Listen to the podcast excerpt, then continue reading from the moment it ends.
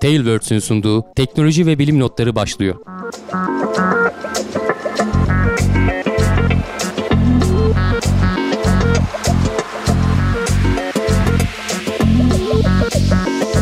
Teknoloji ve bilim notlarına hoş geldiniz. Ben Can Akbulut. Yanımda Hamdi Kellecioğlu ile beraber sizlere yine dop dolu bir haftadan sesleniyoruz. Hamdi abi, TeknoSeyir kampanyası sürüyor. Eklemek Evet. istediğin bir şey var mı? Ya Ekim ayı boyunca sürecek demiştik zaten. Aha. Plus olmak isteyenler bu fırsatı kaçırmasınlar. Doğru, Ekim ayı da devam ettiği gibi. Evet. Yine şaşırtmadı bizi. Ee, ya hem bize destek olmak için işte hem de yeni bölümlere fırsat sağlamak için Hı hı. herkes taşın altına elini koysun diyorum. Eh bakalım. Ee, altına el sokulması gereken taş büyük olduğu gibi destekleriniz e, için müteşekkiriz. Yeni programlar üzerinde, yeni bölümler üzerinde harıl harıl çalışıyoruz. Havada uçan taşların da e, bir hayli bakıma inceliğe ihtiyacı var. Ryugu Göktaşı bu seferki haberimizin konu, konusu. E, üçüncü ziyaretçisinde üzerinde ağırlamış. Yani Görev başarıyla Birkaç tamamlanmış. haftadır sürekli konuşuyoruz. Ee, Japonların bu Hayabusa 2 görevinin Evet. e, objesi olan, nesnesi olan Ryugu Göktaşı. E, iki tane önce bir Hayabusa ulaştı dedik. Görevi falan anlattık. En sonunda Japonların iki tane küçük e, sondasını veya işte gezginini yüzeye indirdiklerini konuştuk. Şimdi gene Hayabusa 2'nin üzerinde taşıdığı bu sefer Avrupalıların Almanya ve Fransa galiba ortak yapımı Maskot isimli bir aracı yüzeye indirdiler. Bu Japonlarınkinden biraz daha büyük ama gene de bir mikrodalga fırın kadar falan yani öyle çok devasa bir araç Aslına değil. bakarsan çok büyük göktaşı ölçeği tabii. için. Çünkü Tabii tabii yani oraya aletin göre. boyu büyüdükçe bu sefer e, sabitlemek veya göktaşının yörüngesine İşte zarar vermesi riski. Japonlarınki gibi bunlarda da sabitleme yok. Bu Yüzeye tangır tungur iniyor. Ya tabii o kadar böyle paldır küldür değil çünkü kütle çekimi bayağı az olduğu için yavaş Evet. yavaş çarpıyor ama birkaç kere sekerek iniyor. Ama o daha önce gönderilen iki tane sondaya göre e, bunun üzerinde daha fazla e, bilimsel araştırma yapabilecek alet edevat var. Görevini de tamamladı ve bitirdi zaten çünkü üzerlerinde güneş panelleri falan yok. Hmm. Pilleri yettiği kadar. E, normalde planlanan süre 12 saatlik falan bir gözlenmiş. E, ama 17 saate kadar uzamış. Hani biz 15-16'ya ulaşsak iyi falan diyorlardı e, uzmanlar. Duracell 17 pil kullandılarsa şey demek. Evet herhalde öyle olmuş. Sıradan E, çinko o arada bayağı 3 kere zıplatıyor. Bunun içinde bir mekanizma var. Onu böyle döndürerek kendini zıplatıyor. Aha. E, yer çekimi çok az olduğu için E tabi. e, birkaç metre hareket ederek farklı farklı yönlere şey yapabiliyorsun. E, işte LED ışıkları var. E, göktaşı kendi içerisinde 7,5 saatte dönüyor Hı hı. kendi çevresinde. Yani gece gündüz döngüsü var kendi çapında. E, karanlığa denk gelince etrafındaki işte şeyleri, taşları falan farklı ışık dalga boylarında falan aydınlatarak Tabii. öyle fotoğraflar falan da çekmiş. Bayağı ötekilere göre, bir öncekilere göre daha ayrıntılı inceleme fırsatı var. Daha net görüntüleri de var. Ekrana onlar da girer. Bayağı aslında hakikaten böyle büyük metal bir kutu. İlk Çok. indiğinde bir ters inmiş, baş aşağı inmiş ama Hmm. düzeltme manevrası varmış. Hani onu, o bir ihtimal çünkü yukarıdan bırakıyorsun. Doğru. Onu uygulamışlar. Ee, her şey sorunsuz çalışmış görünüyor. Genel Çok şık. olarak Hayabusa 2 görevinde şu ana kadar her şey sıkıntısız devam ediyor görünüyor. Bir tane daha galiba Japonların yüzeye indireceği bir araç daha kaldı. Hani bitmek bilmiyor böyle şey gibi. Bulmuşlar Çarşıdan diyorsun. aldım bir tane geldim bin tane şeklinde. Habire bir şey gönderiyorlar yüzeye. En sonunda e, şeyin Hayabusa 2'nin kendisi yüzeyden parça alıp e, dünyaya gönderecek o daha sonraki dönemde. Galiba gelecek ay falan bir şey daha indirdiler yüzeye diye konuşacağız. Çok güzel. Çok Ryugu güzel. Göktaşı ve Hayabusa 2 görevi bitmiyor. Eh, alınan numuneler, edinilen teknolojik bilgi mirası da hepimizin Tabii canım onun şeyini de konuşacağız daha işte dünyaya doğru yola çıktı. işte dünyaya geldi, yüzeye indi. Tabii bunlar hep başarılı olursa. Hı hı. Gerçi başarısız olursa da herhalde konuşuruz. Biz konuşmayı seviyoruz. evet. Ya Ne çünkü hepsinden olsun. bir şey öğreniyorsun Can. e tabii canım. Başarısız olsan da e, mesela bir önceki bu dedik ya Av- Avrupalıların görevi. Bu Rosetta'da yüzeye inemeyen file vardı bir tane. İndi de daha doğrusu sabitleyememişti kendini. E şimdi oradan edinilen tecrübelerle burada farklı şeyler denendi. Bilim ve teknoloji arenasında yani bilimsel çalışmalarda da teknolojik e, üretim, geliştirme e, serüveninde de en çok yaşanan şey başarısızlık. E. E, Bugüne kadar yapılan başarısızlıklar bahane edilerek projeler sonlandırılsa, hani ticari bakışla zararın neresinden dönülse kar denseydi, oho hala biz taş cilalamaya uğraşıyorduk, şimdi parlamıyordu. hatırlayamıyorum. Elon Musk'ın olabilir. eğer başarısız... İlla bahsedeceksin yani. Hayır, ona emin değilim de sanki öyle bir şey veya o, o da birine atıf yaparak söylemiş olabilir.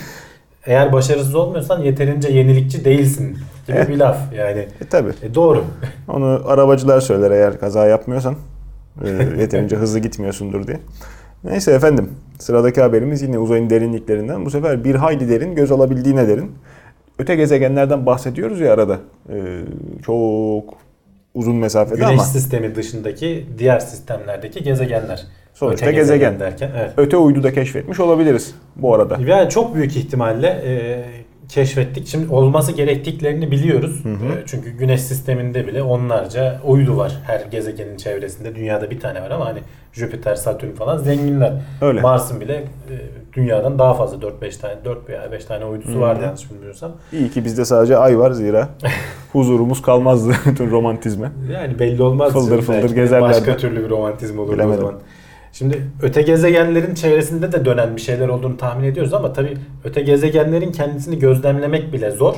Ee, işte bunlar için özel görevler falan yapılıyor. İşte kendi güneşinin önünden geçerken ışığın azalmasından yararlanarak e, varlıklarını hatta belki atmosferlerinde neler barındırdığını falan öğrenebilecek dolaylı da olsa bayağı bilgi edinebiliyorduk.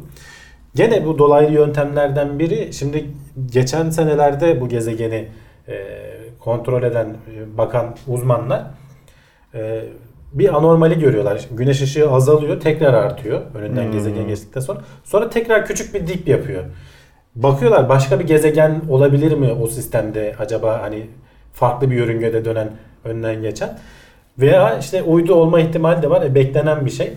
Onu araştırıyorlar. Bu uydu gün, yıl, şey, kendi gezegenin etrafında dönerken e, büyüklüğüne bağlı olarak gezegenin yörüngesinin yalpalamasına neden oluyor. Yani bir şey aynı ortak eksen Tabii. etrafında döndüklerini düşünürsen tam böyle sabit dönmez de böyle hafif yalpalayarak döner. Hı hı. Bunu mesela e, kendi gözlemlerinden sonra Kepler görevi var bu işlere bakan. E, Kepler'di değil mi? Yanlış hatırlamıyorsam. Evet, Kepler görevi. E, orada edindikleri 2015 yılındaki haberler şeydi.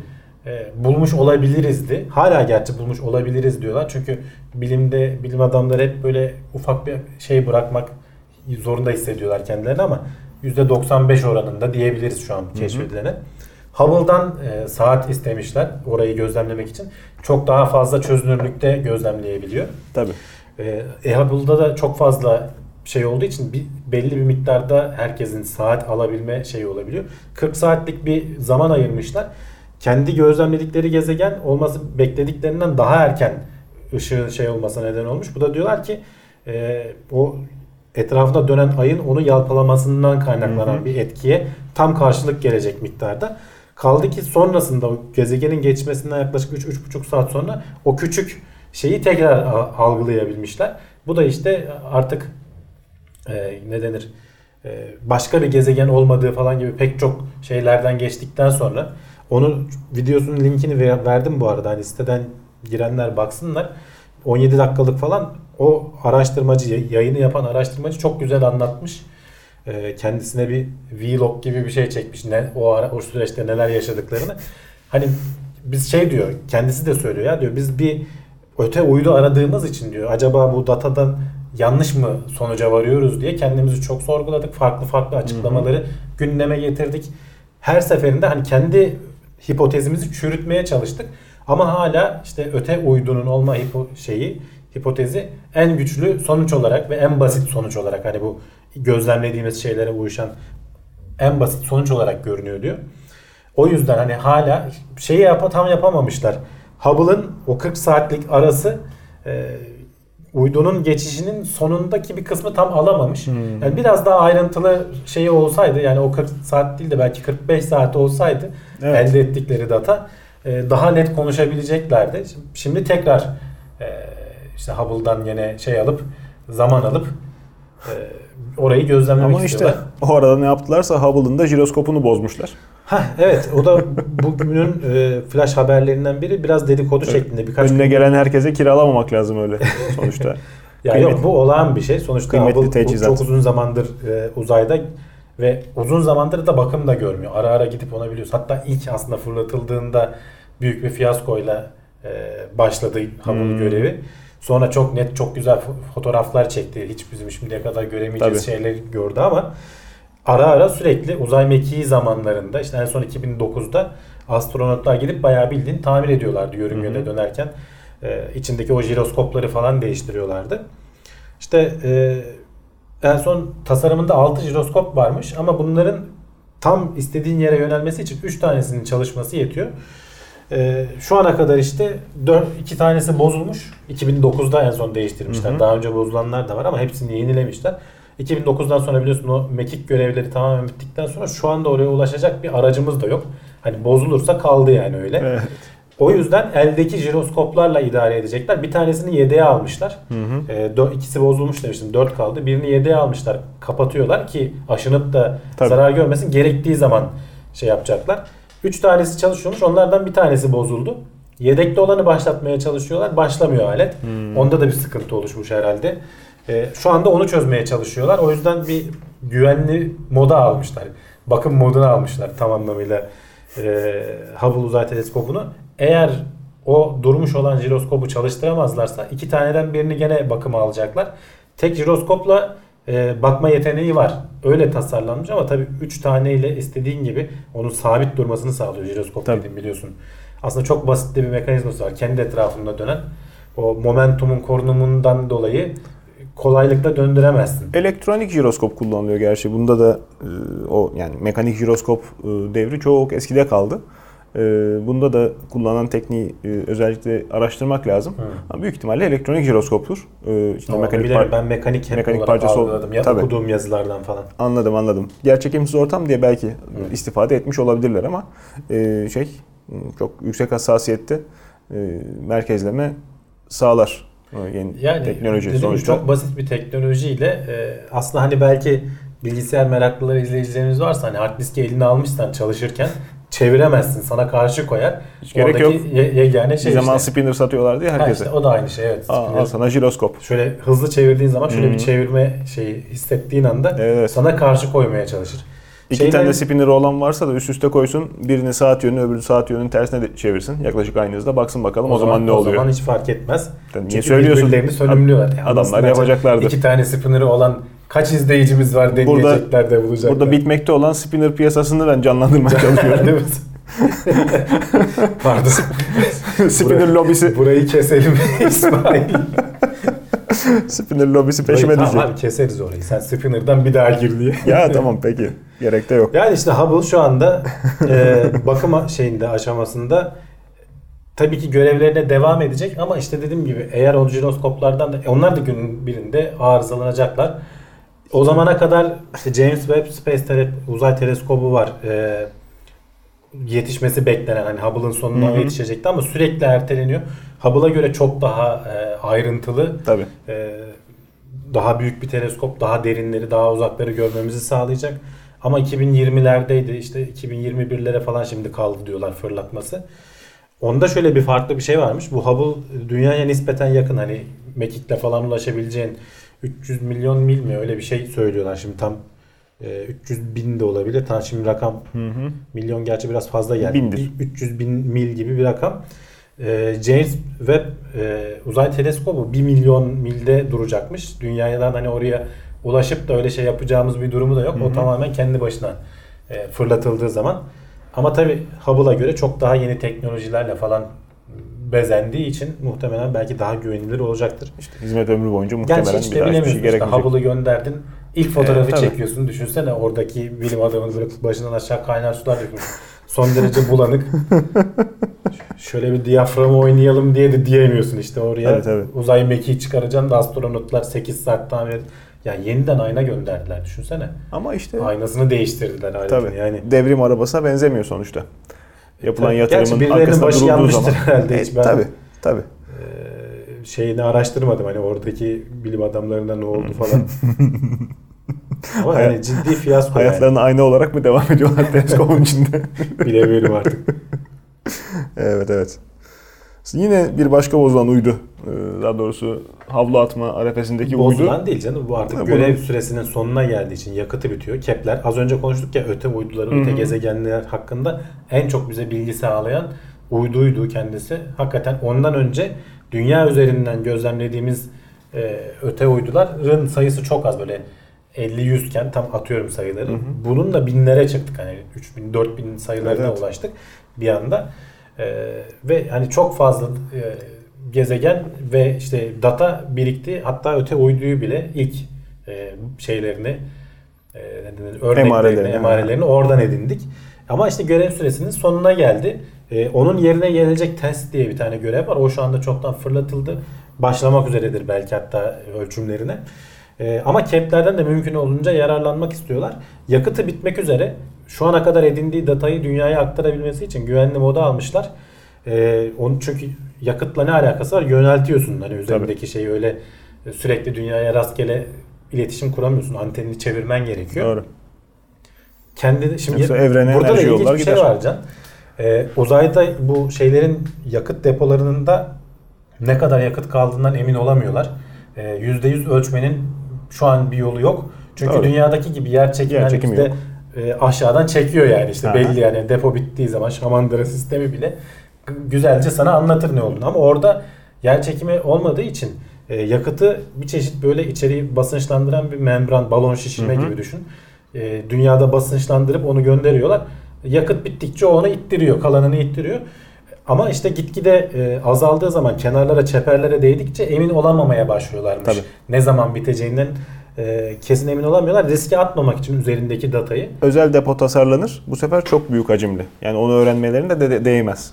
Uydu Ha, tabii içerisinde. muhtemelen değmiyordur. İşte yapacakları şey e, şu ana kadar aldıkları datayı dünyaya aktardıktan sonra yeniden bir görev şeyi biçecekler. Alabildiklerini alacaklar. Dünyaya aktarabildiklerini gene aktaracaklar. Hı hı. Bir yerden sonra da bitecek. E, görev sonlandı diyecekler. Evet. Yapacak bir şey yok yani. Ama dediğim gibi bu keplerin yerine geçecek olan test zaten e, çok daha donanımlı Doğru. ve hazır yani uzaya da gönderilmiş durumda. Doğru. Şey gibi değil. Hubble teleskobu kadar riskli değil buradaki durum. Evet evet. Ama işte e, çok büyük yatırım, çok pahalı yatırım. Tabii. Gittiği yere kadar, gidebildiği yere kadar. Mars'ta yürüyen robotu bile canlandırmak için ne terler dökülüyor. Bu çok Tabii. daha büyük bir e, kurum. Sıradaki haberimiz yine bir uydu. E, Voyager 2. Bu sefer başına bir musibet gelmemiş. Güneş sisteminin sınırlarına ulaşmış. Ee, 1977'de fırlatıldı Voyager 1 ve Voyager 2. Voyager 1'in yörüngesi itibariyle daha hızlı Güneş sisteminin sınırlarına ulaştı. 6 yıl önce falandı. Evet. Ee, bu Voyager 2'nin de büyük ihtimalle ulaştığı söyleniyor. Çünkü Voyager 1'in ulaştı dendiği zamandaki dataların bir benzerini almaya başlamışlar. Hani güneş sisteminin sınırı ne dediğin zaman da e, güneş etrafa sonuçta parçacıklar saçıyor. Aynı parçacıkların benzerleri de uzay boşluğundan kozmik ışınlar denilen şeyler oradan geliyor. Bunlar karşılıklı bir yerde çarpışıyorlar. Güneş etrafında aslında bir balon gibi düşün. Şişiriyor yani kendi etrafındaki Eyvallah. şeyi. Ee, kozmik şeyle çarpıştığı zaman işte bunun sınırı işte tam heliopause denilen zaten o şeylerin çarpıştığı yer. Ee, kozmik ışınların bayağı bir kısmını temizliyor. Eğer güneşin bu temizleme etkisi olmasa hani dünyadaki yaşam falan bundan ciddi etkilenirdi diyorlar. Güneş de kendi etkiliyor ama kozmik şeylerden gelen hı. o şeyler ışınlar çok daha tehlikeli olduğu söyleniyor. Yani güneşin bize böyle bir faydası da var. Ee, işte onun sınırına Voyager 1 6 yıl önce ulaştı. Voyager 2 de daha yeni ulaştı gibi şu anda datalar alınıyor ama tabii bu sınır böyle hani e, Türkiye Suriye sınırı gibi değil yani yeri belli değil. Kolay geçilmiyor diyorsun. Kolay geçilmiyor. Değişiyor çünkü. Güneşin hani döngüleri vardır ya 11 yılda bir Tabii, e, tabii. kendi ne dedim güneşin ışığının o Hmm. etrafa saydığı, yaydığı parçacıkların e, etkisiyle oluşan bir alan bu. E, o parçacıklar şey oluyor azalıyor veya artıyor güneşteki aktiviteye bağlı olarak.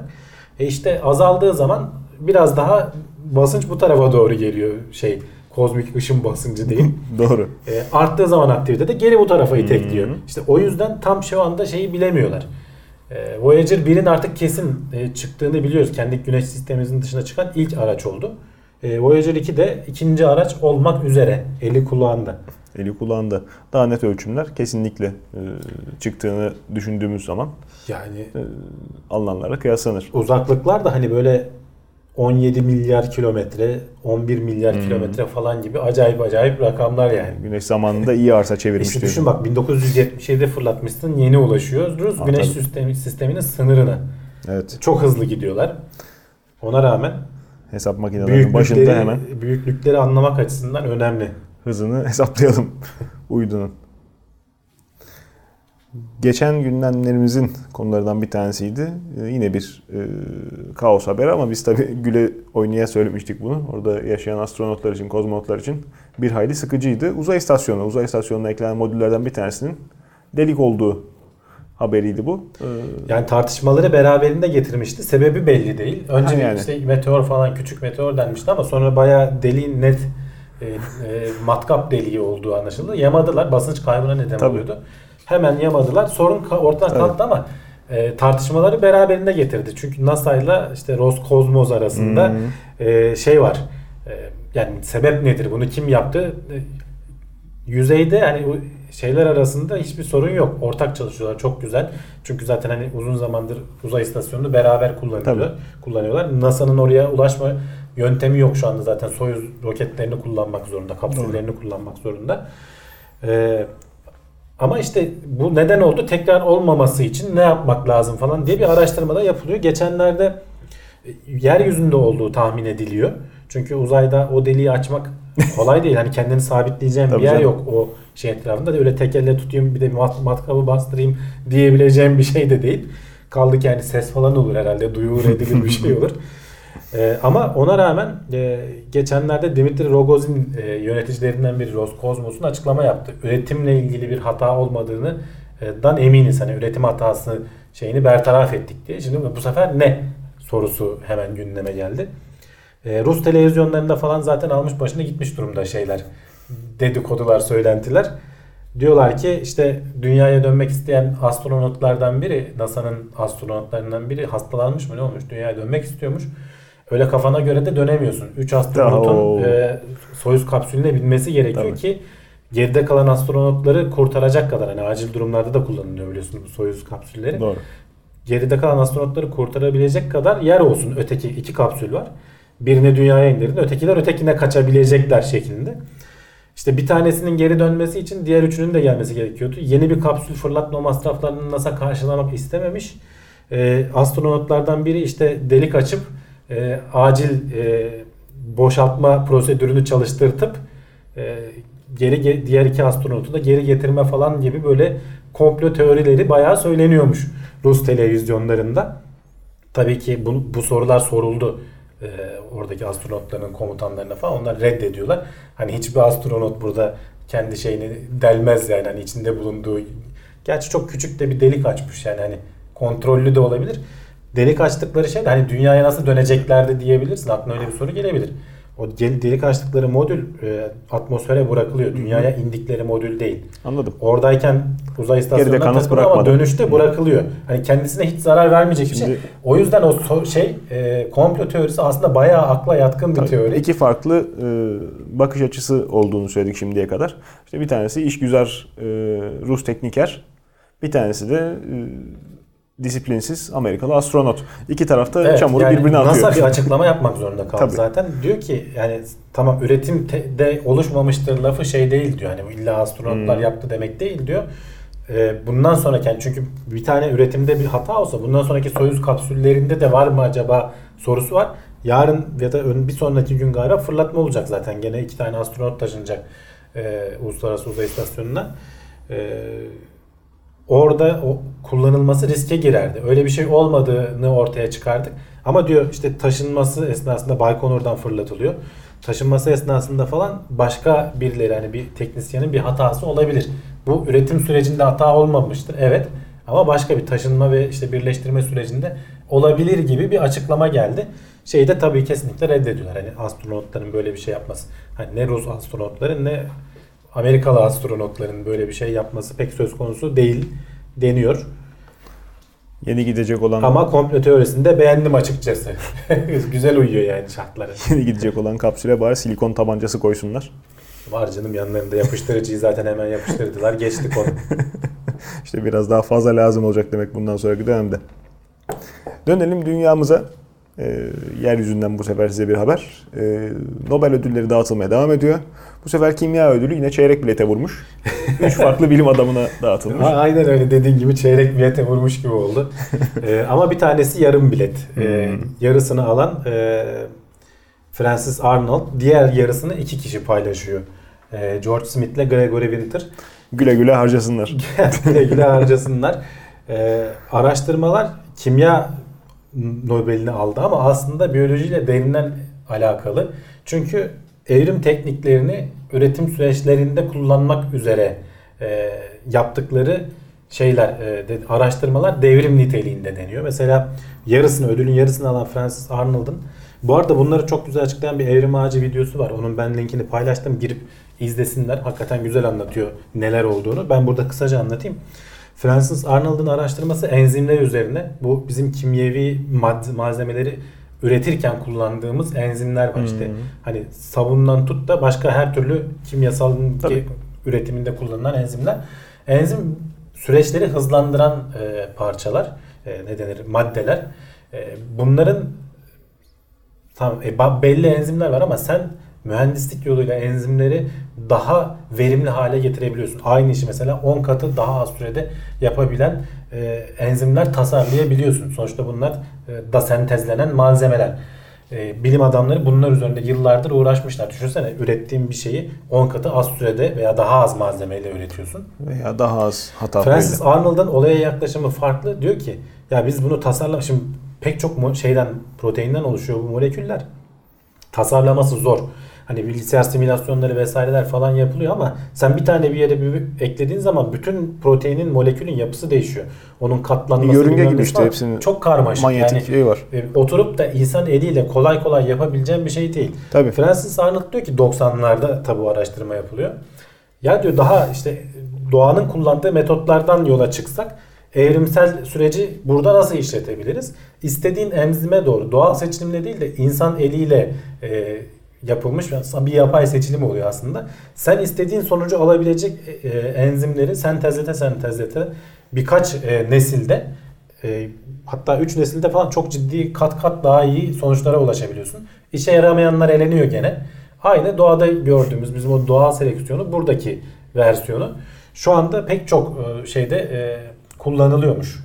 Ne denir? Üretim, kimyasal şeylerin üretilmesinde bu teknik. Harika. Başta ikna etmek de tabii ki her zaman bu şeylerde hikayelerde böyledir. E, çok zorlanmışlar. Ama şu anda bir artık endüstri standardı haline gelmiş bu yöntem. Yani oturup da mühendislik yoluyla tasarlamak yerine doğanın kullandığı yolu gene aslında sen müdahil oluyorsun. Kendi çıkarına kullanmış oluyorsun. Mühendisliğini başka türlü yapıyorsun. Tabii. İkinci taraftaki diğer bilim adamlarının araştırmaları ise e, gene aslında biyoloji temelli. E, gene e, biraz evrimi içinde barındırıyor. E, bakterilere e, bulaşan virüsleri üzerinde değişiklikler yaparak istedikleri ilaçların üretilmesini sağlamak. Hmm. E, kanser tedavisinden tut da işte başka tür e, enfeksiyon tedavilerine kadar e, pek çok alanda kullanılıyormuş. Hatta şu anda satılan 15 ilacın 11'i en çok satılan 15 ilacın 11'i bu yöntemlerle üretiliyormuş. E, istediğin e, şeyi hastalığa hedefleyebilecek, etrafa başka türlü şeylere zarar vermeyen gene aslında bir çeşit enzim gibi düşün. Antikorlar da zaten aslında aynı kaba- kabaca mantıkla çalışıyorlar. Oradaki malzeme yani anahtar kilit uyumunu yakalaman Tabii. gerekiyor. Onu senin tasarlaman çok zor. İşte gene böyle e, nesiller içerisinde istediğin seçilim baskısı yaparak bir yöne doğru istediğin şeyi üretmeyi sağlıyorsun. Ki dediğim gibi hani sonuçları e, ilaç endüstrisinde çok ciddi anlamda e, devrim devrimsel olmuş. Yani e, baksana günümüzde diyor en çok satılan 15 ilaçtan 11 tanesi bu yöntemlerle geliştirilmiş diyor. Hani Alzheimer'a kadar fa- faydası görülen ilaçlar. Tek tek şimdi ilaçların şeylerini saymak pek mümkün değil ama Evet. yani şarbonu etkisiz hale getiriyor diyor. 15 ilaçtan düşün işte. Sedef hastalığı, bağırsak iltihabı vesaire vesaire. Biyoloji Nobel'i yok.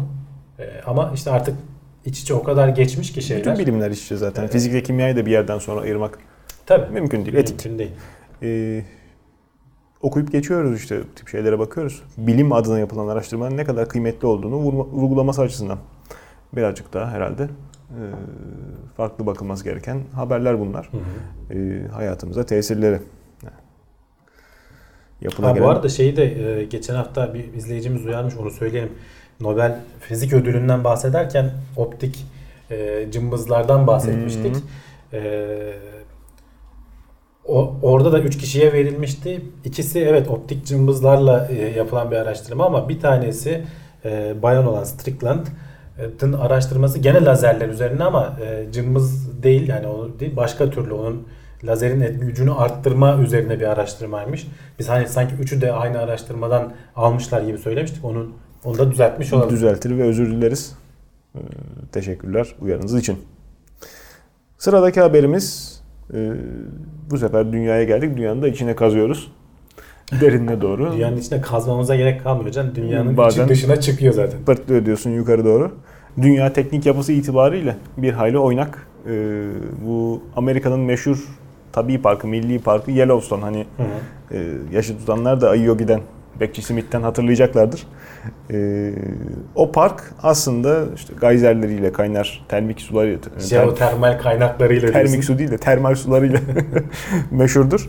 Ee, işte jeotermal aktivite boşa değil. Altında orada bir şey var ki değil mi? ısınıyor su. kombi yanıyor. Ya bunu mutlaka hani izleyicilerimiz duymuştur. Süper volkanlar veya işte süper yanardağlar diye bir şey var. Patladığı zaman artık bir yanardağ oluşturmuyor. Bayağı bir o bölgeyi çökertiyor. Atmosfere de inanılmaz kül e, saçıyor. Evet. Dünyanın iklimini değiştirecek kadar fazla kül saçıyor. Ve bunlar hani geçmişte yaşanmışlar. Bunların örneklerini falan e, jeolojik kaynaklardan çıkarabiliyoruz. Hatta belki e, başka şeylerden de dünya üzerindeki o fosillerden falan da çünkü canlılığın bir kısmını yok edebilecek kadar e, iklimi değiştirebiliyorlar. İşte Tabii. volkanik kış dedikleri. E, niye oluyor bu da? Atmosfere o kadar çok kül saçılıyor ki güneş ışığını geri yansıtıyor. Dünya ısınamadığı için sıcaklıklar düşüyor. Hı hı. E, Yellowstone bunların Aslında en bilinenlerinden Tatlı biri. bir patlamasına izin verseler küresel ısınma problemimize Heh, ama güzel işte bir çözüm öyle, olur. öyle olmayacak. Küresel açlık problemi bu sefer gündeme gelecek deniyor. Şimdi Yellowstone en çok bilinenlerinden biri tek değil ama pek çok var zaten. Değil canım. Endonezya tarafında Tabii. var, Güney Amerika'da var. İzlanda'nın Ee, İtalya kompresi. tarafında var galiba. Ee, 600 bin yılda bir patlıyormuş Yellowstone'un öyle bir döngüsü var. Genelde de böyle şeydir ya e, belli bir periyotları takip ederler depremler gibi. Zaten aşağı yukarı benzer e, şeylerden temel alıyorlar. E, Tabii. yer kürenin magmanın hareketlerinden aslında. İşte Newton sarkacı mıydı? Onun gibi. Hepsi birbirine bağlı. Enerji iletiyorlar. Evet. Bir taraftan vurunca. Biraz Ee, daha tabii kü- kütleler havaleli olduğu için. Şu anda şeyi biliyorlar. Yellowstone'un altında büyük bir magma odası var. Zaten şeyler de öyledir. Yanardağlar da öyle. Hı hı. Magma birikir ve çatlaklardan yer bulur. Bir yerde birikmeye başlar. Etrafındakilerin buharlaşmasına falan neden olur. Orada bir basınç oluşur. Dayanamadığı zaman onun üstündeki şey patlayıp volkan patlamış oluyor. Burada da aynı şey oluşuyor. Belli bir sürede zaten ölçümlerini falan da yapıyorlar ama ne zaman patlayacağını tabii ki hiçbir zaman bilemiyorsun. Emin olamıyorsun. Ee, patlamaması için bir şeyler önerelim ne yapabiliriz diye araştırıyorlar. Gerçi devasa büyüklükte şeylerden bahsediyoruz. Öyle insan teknolojisinin kolay kolay müdahale edebileceği şeyler değil ama Tabii. NASA gene de bir öneride bulunmuş.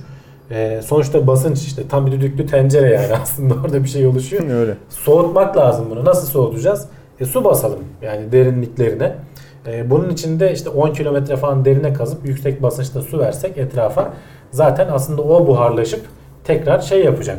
E, sıcaklığını almış olacaksın ama çok büyük miktarlarda su basman gerekiyor. E, bu zaten hani suya ulaşmakta zorluk yaşayan e, bir insanlık var. Hani su kolay bulunan bir şey değil. E, veya oraya bir şey düşeceksin. Milyarlarca dolar harcayacaksın. Hani kabaca hesabını da yapmışlar.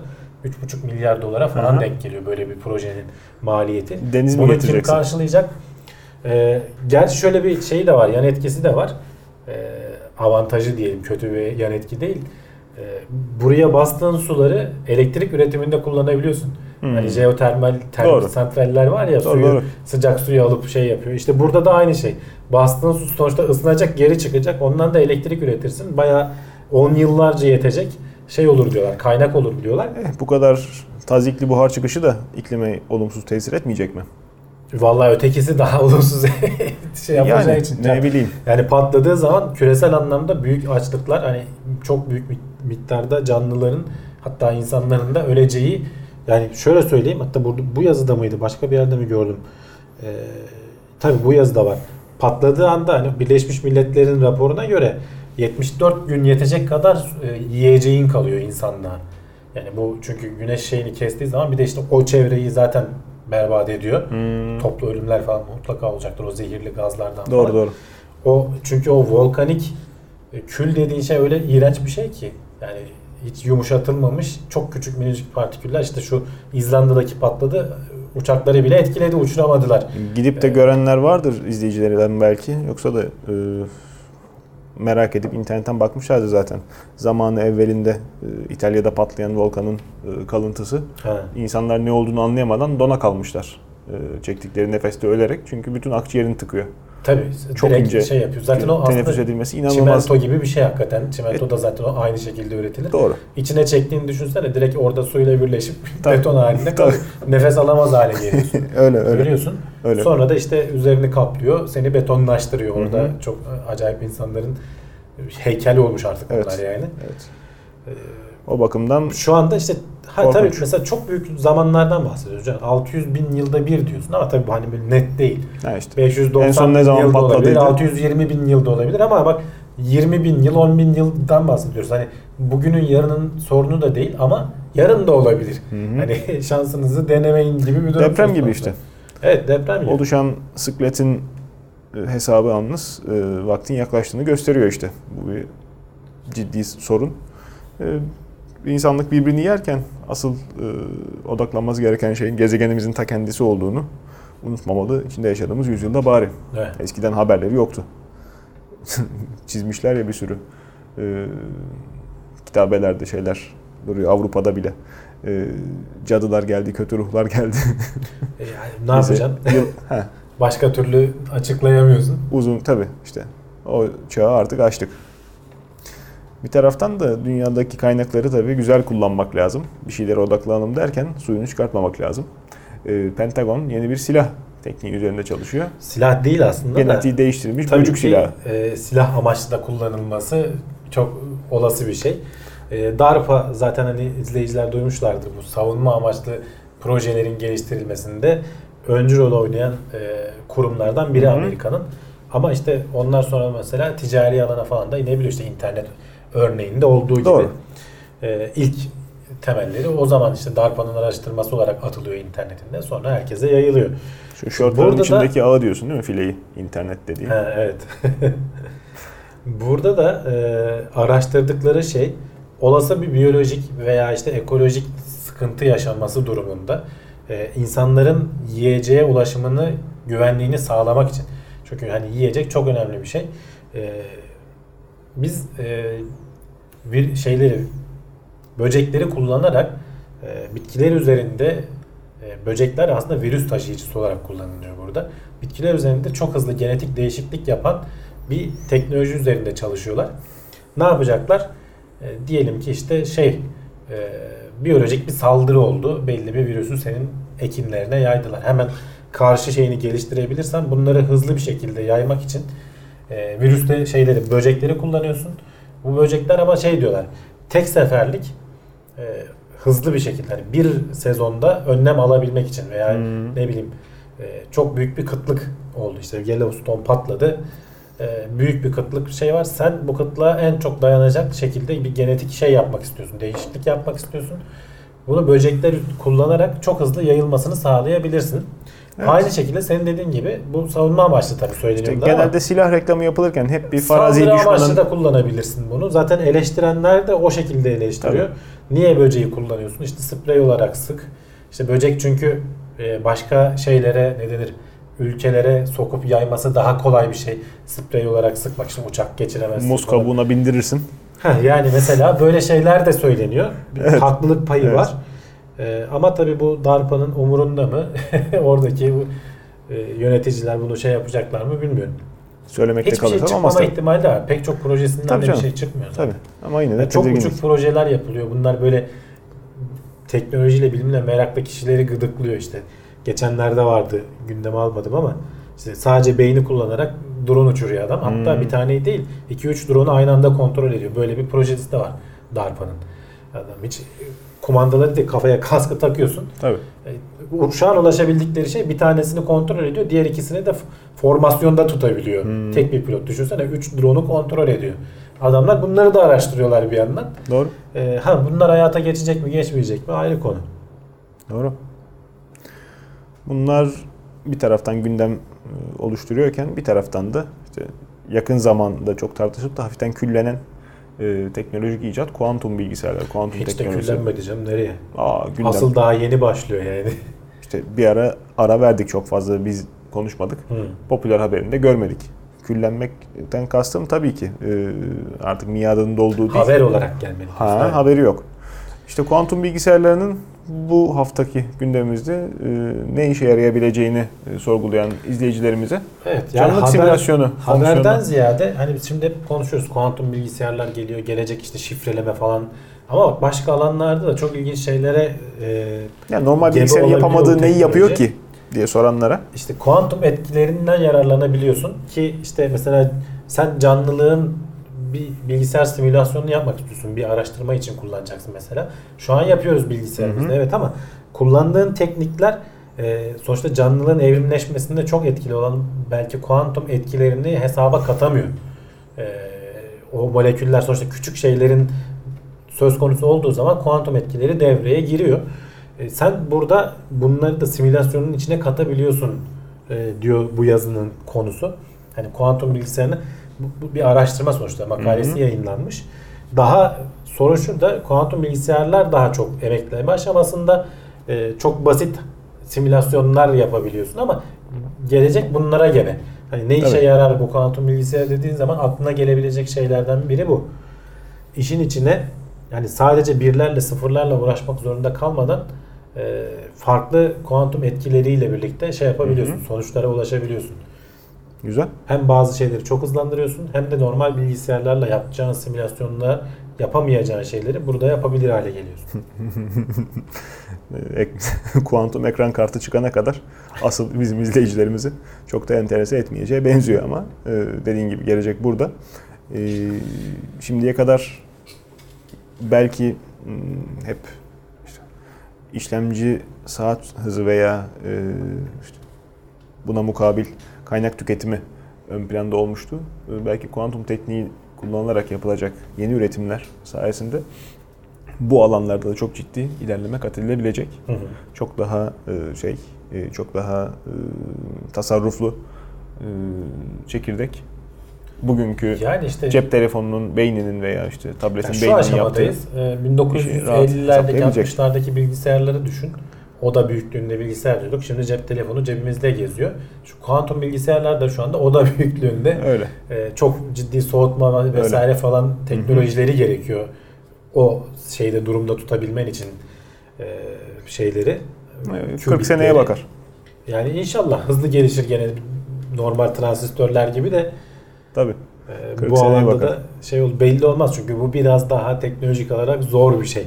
İşte bu gibi Ama insanlığın da bilgi birikimi arttı. Bak, o yandan. Bu O haberin var. konusu çok önemli çünkü yani bu gibi teknolojilerin şu anda sıkıntısı bilgisayar hiç yokken bir şey oldu hayatımıza girdi. Kullanıyoruz, gelişiyor ama şimdi hiç olmayan bir şeyin kazanımı için yapılan çalışmanın motivasyonuyla va hala hazırda olan bütün işimizi gören bir şeyin biraz daha iyisini, daha iyisini sağlamak için yapılan çalışma. İşte zamanında Soğuk Savaş'ın güdümü de var. işte farklı stratejik e, Tabii. şeyler etki ediyor. Bunun da var canım. Sen bak Yatırıma. burada da işte diyoruz ya şifrelemeler bilmem ne Evet. falan. Şu anda da hani dünyada adı konmamış soğuk savaş var sonuçta. Ya her Bütün zaman. devletler birbirleriyle Her zaman var. didişiyor, itişiyor. Sıcağı da var, soğuğu da var. Ne alırsan. Ee, Ama e, esas buradaki sıkıntı bence yani insanlık e, henüz görmediği bir şeye çok daha ilgiyle yaklaşıyorken e, hala hazırda bildiği bir şeylerin daha iyisine o kadar da e, aşkla şevkle yanaşmıyor. E, otomotiv bunu çok kullanır işte bilgisayarlarda da bir şeylerin tanıtımında da hep cep telefonlarında bile yeni sezon ürün tanıtılacağı zaman işte artık tıkandı. E tabi. Fotoğraf çekiyorsun. Bir hala fotoğraf çekiyorsun. Ufak ufak Tabii. şeyi oluyor. Tabii tekrara düşüyorlar sık sık. O yüzden e, belki kuantum bilgisayarların hayatımıza girişi bu telefonların şeylerin e, nedir? E, işle- bilgisayar işlemcisinin normal küçülüp e, bu kadar yaygınlaşması kadar hızlı olmayacak. Bu üzücü kısmı ama Onu Bir taraftan da dediğin yani gibi aslında. bir e, şeye bakar, motivasyon kaynağına bakar. Şu anda sıkıntımız bu. Dünyamızın temel kaynaklarını irdelemeye dönersek e, ormanları sevip korumak, hepimizin boynunun borcu. Piknik mevsimini artık atlattık sayılır ama işte her yerde ben çöp görmeye, çöp torbaları görmeye devam ediyorum. Elimin erdiği kadarını alıyorum ama tabii ki yetmiyor. Mümkün değil savaşmak. Tabii ki yetmiyor. Herkesin atmadan önce düşünmesi lazım. Evet, bir taraftan ağaç kesenler de var. Ee, sorgusuz sualsiz. Ee, kesmeyi bıraktım, yakanlar bile var. Ama e, ormanlar bizim için çok önemli. Doğru ki evet, e, Türkiye çok şanslı. Oksijen temini açısından e, 4 hatta daha fazla tarafı iç denize sahip olduğu için denizlerle çevrili bir sürü de gölü var, akarsuyu var. Oralardaki küçük e, yosunlar, şeyler bize bolca oksijen getirirken Hı hı. e, ormanlarımızın da önemini unutmamak lazım. E, Ya araştırma Ormanlar da e, dünya çapındaki karbonun emisyonunun %25'ini falan tutuyorlar yani. Hani atmosferdeki karbon her E, tabii. yıl. Hani hatırı sayılır bir şeyi var. Okyanuslar falan evet çok önemli ama ormanlar da önemli. E, ormanlar da önemli, önemsiz değil. E, fark edilmiş ki işte tek tip ağacın bulunduğu ormandansa farklı ağaç tiplerinin bir arada bulunduğu orman çeşidi ki ülkemizde Evet, e, yani- ziyadesiyle var. Mesela özellikle Çin'de son zamanlarda ağaçlandırmaya çok önem veriyorlar. Çünkü onların ciddi bir hava kirliliği sorunu var. Şehirler yaşanmaz hale gelmiş durumda. Yani Çin bir yandan en çok kirletiyor ama bir yandan da sonuçlarına en çok katlandığı için en çok da kendini bu alanda yenileyen bir ülke. Evet. Garip bir durum var orada. Evet. Araştırmalar da genelde oradan zaten şey oluyor. Ee, hangi ağacı ekersek, e, büyütürsek, orman haline getirsek en çok e, atmosferden karbon çekeriz. Hani derdimiz eğer oysa e, ona göre bir ağaçlandırma yapacaksak onu araştıralım demişler. Gerçekten de Çam ormanı mı, meşe ormanı mı? onları denemişler. Ortaya çıkan sonuç farklı ağaçları ekmen gerekiyor. Tek bir tane ağacın hepsi şey yapmıyor. Ee, Hmm. En iyi verimi vermiyor. Karmaşık bir orman ekosistem haline getirdiğin zaman demek ki o yanında beraberinde başka şeyleri de getiriyor ki e, bayağı ciddi oranda e, şeyi artırıyor. Yüzde kırklara varan mı öyle bir e, rakam vardı şimdi burada hatırlayamadım. E, verimliliğini çok ciddi anlamda arttırabiliyorsun. Bir hayli ilginç. E, Yani şaşırtıcı. Öyle. Yani ve bunu ya- ölçerken de denemişler. Gerçekten hani bir alan ayırıp oraya başka bir ağaç dikmişler. Başka bir ağaç dikmişler. Karıştırıp tek tek cinsler dikmişler. iki cins, üç cins Hı hı. falan. En son en şey e, karmaşık olan e, orman yani tamam orman gibi orman en çok e, atmosferden karbon dioksit çektiğini ölçmüşler. Çok enteresan. Yani tamamen ağaçların acaba büyüme e, mekanizmasıyla, verimliliğiyle mi alakası var yoksa Bilmiyorum, onun birbirleriyle ilişkisi mi? ayrıntısına çok fazla girmemişler. Çünkü Eh. e, muhtemelen hani sadece şeye ulaş bir açıklama vardır bu yorumlarda. Hmm. Haberde yoktu ama e, Evet. tam olarak sebebinden bahsedilmemiş. Ama dediğim gibi herhalde bütün o ekosistemin getirdiği şey. Çünkü üzerinde hani ağaç diyorsun ama o ağaçların üzerinde de yosunu oluyor, başka bir şeysi oluyor. Bir yerdeki çayırı çimeni oluyor falan. tabii tabii. Doğru söylüyorsun. Sıradaki haberimiz uyarı niteliğinde. Ee, aman ha dikkatli olun. Son 6 ayda istatistiki veri 6 yılda. 6 yılda. Hmm, özür dilerim. Bir an ben de gerilmiştim. Son 6 yılda 250 kişi selfie çekerken Ya bunlar telefonu tabii kayıtlara geçen muhtemelen Evet, daha tabii. da fazladır aslında ama veya açıklama olarak ifade edilen selfie çekiyordu. Kayıtlara geçen derken de hani internet üzerinden bir işte araştırma görevlisi bunların hepsini derleyip e, ortaya çıkarmış. 6 kişi şey 6 yılda 250 kişi Hayatını e, kaybetmiş. selfie çekerken evet hayatını kaybetmiş. Hani tamam hani hep diyorlar ya yürürken falan telefon kullanmayın, araba sürerken falan hiç kullanmayın. Komik komik videoları var internette millet ne durumlara düşmüş. Evet. İşte selfie çekmek de onlardan biri. Çok önemli bir trend artık günümüzde. Şimdi- Herkes mutlaka Ha, yapıyor. Ama riskini almayacaksın. Bizim ben de birkaç şeyde görmüştüm. Ee, televizyonlarda falan işte yüksekten düşen kendini çekerken evet, falan. evet doğru. Genelde zaten Doğru. büyük oranda bir yüksek bir yerden düşme var ama çok ilginçleri de var can. Bu işte onu soracağım. Yani aslında selfie çekmek için mi hayatlar riske atılıyor yoksa o kadar çok selfie çekiyoruz ki ölüm anında selfie'ye mi denk geliyor? Yok selfie çekmek için riske atıyorsun çünkü işte dağın tepesine gelmişsin kendini orada çekeceğim böyle yani. Hmm. E, Zaten dengesiz bir yerde duruyorsun hop gidiyorsun aşağı. Evet. Yani en ufak bir şeye bakıyor aslında. Doğru. Hani belki selfie çekmesen de düşeceksin ama e, selfie dikkatini dağıtan bir şey.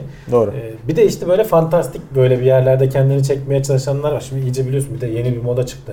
Arabayı bırakıp arabadan inip video çekiyor. Sonra arabayı yakalayamayıp kaçıran kaç tane adam oldu yani.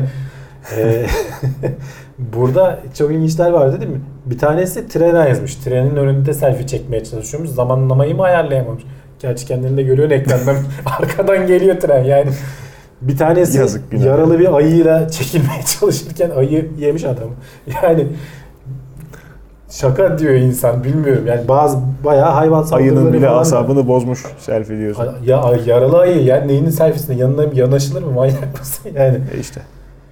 Paylaşım hırsı o kadar artık e, işte İşte İnsanlar- paylaşım hırsı dedin sloganları var işte 1 milyon beğeni bile hayatınızdan önemli değildir diye. e, tabii canım tabii. Öyle yani. İnsanlar tatile giderken giyeceğinden farklı birkaç takım kıyafet götürüp farklı kıyafetlerle aynı otelin farklı mekanlarında fotoğraf çekip onu peyderpey servis ederek sanki yılın daha çok zamanında 3 kere 4 kere gitmiş havası Aynen, yaratıyor. tatil yapıyormuş gibi bir e, illüzyon oluşturuyorlar. Gerçekten e, yayın ahlakı, yayıncılık e, Yayıncı hep değiller ki canım onlar normal şey. yayın ahlakı, yayıncılık hep sorgulana geldi. He. Nasıl yapılıyor gazetecilik? Bu e, işte manipülasyon, algı oyunları etik mi değil mi diye. Şimdi İn- herkesin insanları da görüyoruz diyorsun Ha, yani. Tabii herkesin eline e, bilgi paylaşma imkanını verince de meyveleri ortada, malzemesi ortada. Valla işte elektrikle çarpılanı mı dersin? Hepsi Tabii var canım. yani. Tabii. Ha, araştırma e, şimdi bir taraftan da şöyle bakmak lazım. E, herhangi bir aktivite yaparken yaşanan ölümden ziyade selfie'nin güdüm olduğunun şu anda altını çizmek herhalde önemli. Tabii. Yani sırf selfie çekebilmek için orada olduğumun fotoğrafını ispatlayayım diye yapılan bir sürü iş var. Aksiyon, doğa sporlarının bir kısmı da aslında buna dahil edilebilir en nihayetinde. Ya o tabii biraz şey de canım yani selfie çekeyim diye değil de o adrenalin bağımlılığıyla da alakalı. Hani kimi insan öyle çok Canım o başka da. onun yarattığı duygudan çok mutlu oluyor. Eh, o başka da. Yani Vallahi bilmiyorum ben. GoPro kamerasının ve türevlerinin satış rakamı insanların ne kadar E, bu tabii. işe rağbet Ama gösterdiğini. güzel görüntüler çıkıyor ortaya o yüzden de. O bir sürü karikatürü var, esprisi var, yapılmış güzel fıkraları var. Ee, konuyla alakalı anlatan insanlardaki paylaşım hırsının. Ee, Onun bir de işte negatif etkisi de var. Kitap- Onları izleyen insanların psikolojisi de bozuluyor. tabii Ya millet nasıl yaşıyor biz burada oturuyoruz diye. kitap Halbuki 25 dediğin lira. senin gibi şey Tabii. yapıyor adam. Üç kere Tabii, tabii. aynı yeri paylaşıyor. Kitap 25 lira, kahvenin yanında kitabın fotoğrafı 5 lira gibi karikatürü de vardı. Hani bunun Hmm. çok sık esprisi dönüyor artık. Ve dediğin gibi evet e, gerçekten bazı insanların yaşam sponsoru kimdir nedir sorgulanıyor. E, illüzyon, illüzyonist e, gibi sürekli şeyler değişiyor. Yaptıkları işler değişiyor. Sıradaki haberimiz elmas çamura düşse de değerini kaybetmez sözünü adeta e, söyleyeni mezarında Gök- dik döndüren. Gök taşı çamura düşse de diyorsun sen burada da. Çamura da olmuş. düşmemiş, halıya düşmüş. Yok çamura da düşmüş canım. E işte zamanında diyorsun. İlk düştüğünde çamura düşmüş. Kapı tutucu olarak kullanılmış. Çok uzun Yıllarını- süre 80 yıl falan kapı tutucu olarak kullanılmış. Ee, sonra sahibi demiş ki bu haberleri duyuyor internetten işte ya bu gök taşları satılınca para ediyormuş falan. Ee, olay şey e, adamın biri bir çiftlik satın alıyor 1988'de Ee, sahibi işte alıcıya çiftliği gezdirirken adamın gözüne taş takılıyor. Hmm. Şeyin e, bir kulübenin kapısını tutan bir taş. Bu nedir diyor. Ya diyor 1930'larda diyor gökten düştü. Babamla diyor koştuk. Acayip gürültü yaptı. İşte kazdık çıkardık hala sıcaktı falan diye. Adam anlatıyor yani ilk elden. E onu da alacak mısın? Yok diyor işte arazinin malıysa senin oldu diyor. Aradan yıllar geçiyor. 1988'de olan bu. Adamın çocukları okula okula götürüyor. Bak işte göktaşı bilmem ne falan. Hani Hmm. e, arkadaşlarına göstermek için işte ders malzemesi falan olarak. En sonunda işte adam onu beğeniyor. Çiftliği satsa bile yanında alıyor mesela. En sonunda da işte araştırırken ya diyor bu iyi para ediyormuş biz bunları bir araştıralım. Uzmanına götürüyorlar. Uzmanı bakıyor diyor ki 100 bin dolar eder bu. Ee, adama bir anda talih kuşu konmuş oluyor. Talih taşı düşmüş Başlayıp geçmeyecek Tabii. yani. Bizim köylüler boşuna aramıyor. Aman, 100 bin aman. dolar büyük para yani. Amerika'da Bizimkiler. da büyük para. Ya işte hemen Sadece bizim bura bizim burada zaten yani. başına gelirse vergi memuru görür gün. Amerika buraya benzemiyor tabii. Bizimkiler zaten gökten düşen şeylere meraklı. Antalya'nın bilmem ne köyünde adam damına düşmüş göktaşı. Ben bunu yersem süper gücüm olur mu acaba diye hemen bir parçasını koparıp yemişti. Uçağın meğer Benim izlemiş. uçağın sifon atığıymış meğer. Ondan sonra ondan sonra mağduriyet. Sıradaki haberimiz yine uyarı niteliğinde bir bitki ama e, tesirleri birazcık Başlık nasıl ama? Bu bitkiye dokunmak intihar etmenize neden olabilir. Eh. Videonun başlığını bu yapacağım yani. olabilir. Olabilir. Tık tık çalarız bol miktarda. Ama yalan da değil yani. Hakikaten bu bitkiye dokunmak intihara neden olabiliyormuş. Şimdi biz ısırgan otunu falan bilmiyorum sen ilk başına geldi mi ama Tabii. biraz rahatsız eder falan ama Hmm. geçer yani. Hani kızarıklık, mızarıklık, hafif belki küçük şişme falan. Doğru. E, Bu bitki bayağı e, öyle kızarıklıkla bırakmıyor. Farklı tabii türleri var. Basit kızarıklıkla geçeni de var. İsmi de Avustralya'da yetişen bir şey bu arada. Hani bizim Her- buralarda pek yok. Mendebur mahluk gibi. E, Dendrocnit morides diye hani Latince ismi olan bir şey. Aha. Cimpi çalısı diye biliniyor. Şehrin o Cimpi şehrinin oradaymış. E, ilk oralarda bulunmuş yani o, şekilde tanınıyor. Araştırmacı e, işte bu ormanda işte araştırmalar yapan falan birinin başından geçenleri anlatıyor. İlk diyor sokulduğumda eldivenim düşmüştü. Yerden alırken diyor aletin canlısı gerekmiyor. Hani ölmüş aradan Hmm. yıllar geçmiş şeyler de o üzerindeki küçük o tüyler e, çok ciddi şey barındırıyor. Yani zehir barındırıyor üzerinde. 20 dakikada falan etkisi tavan yapıyor. İlk anda zaten acayip bir acı hissediyorsun diyor. Hani Hı. tarif etmek için de işte asit dökülüp yakılmışken elektrik veriliyor gibi falan bir şekilde tarif ediyor adam. İlginç. E, lenf nodları şişiyor diyor kollarının altındaki böyle zaten davul gibi böyle sıkıştırılıyor falan hissi geliyor diyor. Ve hani etkisi ne, ne kadar sokulduğuna ve işte nereden etki ettiğine bağlı olarak 1 saat 4 saat sürüyormuş. Hani yörede anlatılan şeyler adamın biri dereyi geçmeye çalışırken üstüne düşmüş. Adamı 3 hafta e, hastanede yatağa bağlamışlar. O kadar yani bas bas bağırıyormuş herhalde. Hmm. Ee, gene hani söylentilerden biri polis e, memuru intihar etmiş dayanamayarak. Bilmiyorum hani artık halk söylencesi midir ama hani dokunduğun zaman gerçekten hani birinci elden yaşayabiliyorsun. Ateş karıncası da vardı benzer. Araştırdıkları şey şu hay, şeyin yaprağın üzerinde delikler var. Demek ki bir şey bunu yiyor yani hiç Hmm. e, o e, etki etmeyen canlılar var. Böyle küçük keseli bir hayvan kanguruya benzeyen ismi de garip bir şeydi şimdi bizim buralarda padelemon diye bir şey. Şimdi etki etmeyen diyorsun da hayvanı tutup da dilsiz hayvan anlattırdın mı? Belki ya, acıya tahammül ediyor. Bütün a- şeyi çalıyı kütür kütür yiyip yok ediyormuş bu hayvanlar. Sürü halinde daldığı zaman yani bitki elinden geleni yapmış. O işte başarılı olamamış. Bize insana falan ciddi etkisi oluyor. Ha bu arada dokunman gerekmiyor. Yakınında fazla çalışırsa maskesiz falan o küçük şeyler havada uçup ciğerinde falan boğazında boğazında tahriş yapıyormuş. Rezalet. Bayağı eziyetli bir bitki. Bilim Hakikaten. insanları ne zorluklarla çalışıyor can. E, öyle. Öyle. Ya işte böyle bir şey varsa, böyle bir çalı varsa, çalı da cehennemin dibindeyse orada ne işin var diye sormak lazım kendine. Canım. Nitekim ateş karıncası da öyleydi. Bilmem ne ağacının en tepesine yakın yerine yuva yapıyorlar. He. Orada geziyorlar. E, çıkma oraya. Bu kadar basit. Ama- Zehirli kurbağa var keza. Orada şey falan var canım. Ateş karıncasında gerçi öyle değil de arılardan bal almaya çalışan Ha tabii. e, yerliler falan var. Tabii tabii. Adamı hiç etkilemiyor. Çıkıyor adam. Bayağı koca koca balları alıyor. Hmm, Her tarafından da sokulmuş ama şerbetlenmiş diyorsun. şerbetlenmiş evet oradaki. Bir zaman- orada yaşaya yaşaya alışmışlar. Tabii. Bir zaman bizde de vardı. Ha, sonra artık haber niteliği taşımıyor herhalde. Kayboluverdiler. Ee, okuyan bir takım hikmetli sözler okuyup e, askere şeye e, nedir bir zaman devlet görevlilerinin de e, rağbet gösterdiği akrebin Akrebi. He. hı ısırmamasını, Canım şey ben yapmamasını, hep aklımda da sokmamasını çocukken sağlıyor. Uğur Dündar'ın şeyini izlemiştim. Tabii şuradan sokturup bak şimdi zehir buradan yürüyor demişti Uğur Dündar. Soğuk soğuk teller dökerken şuraya bir yere parmağını koydu. Tabii, işte. tabii. Şuraya koyuyordu durduruyordu. Peki Sonra geride çıkarttırıyordu böyle. muhatabına güven de o esnada tabii. Kilit noktalardan bir tanesi. Öyle şeyler olabiliyor. Ee, vatanımızı sevelim mi ne yapalım?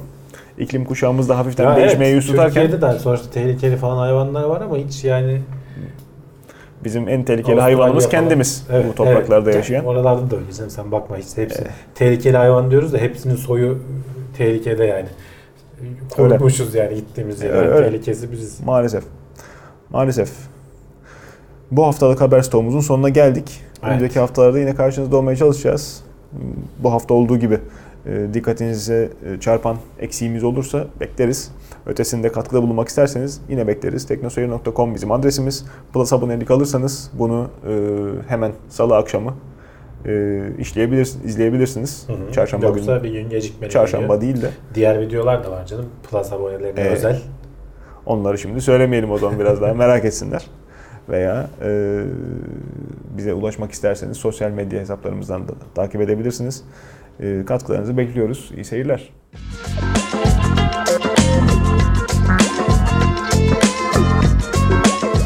Tailwords teknoloji ve bilim notlarını sundu.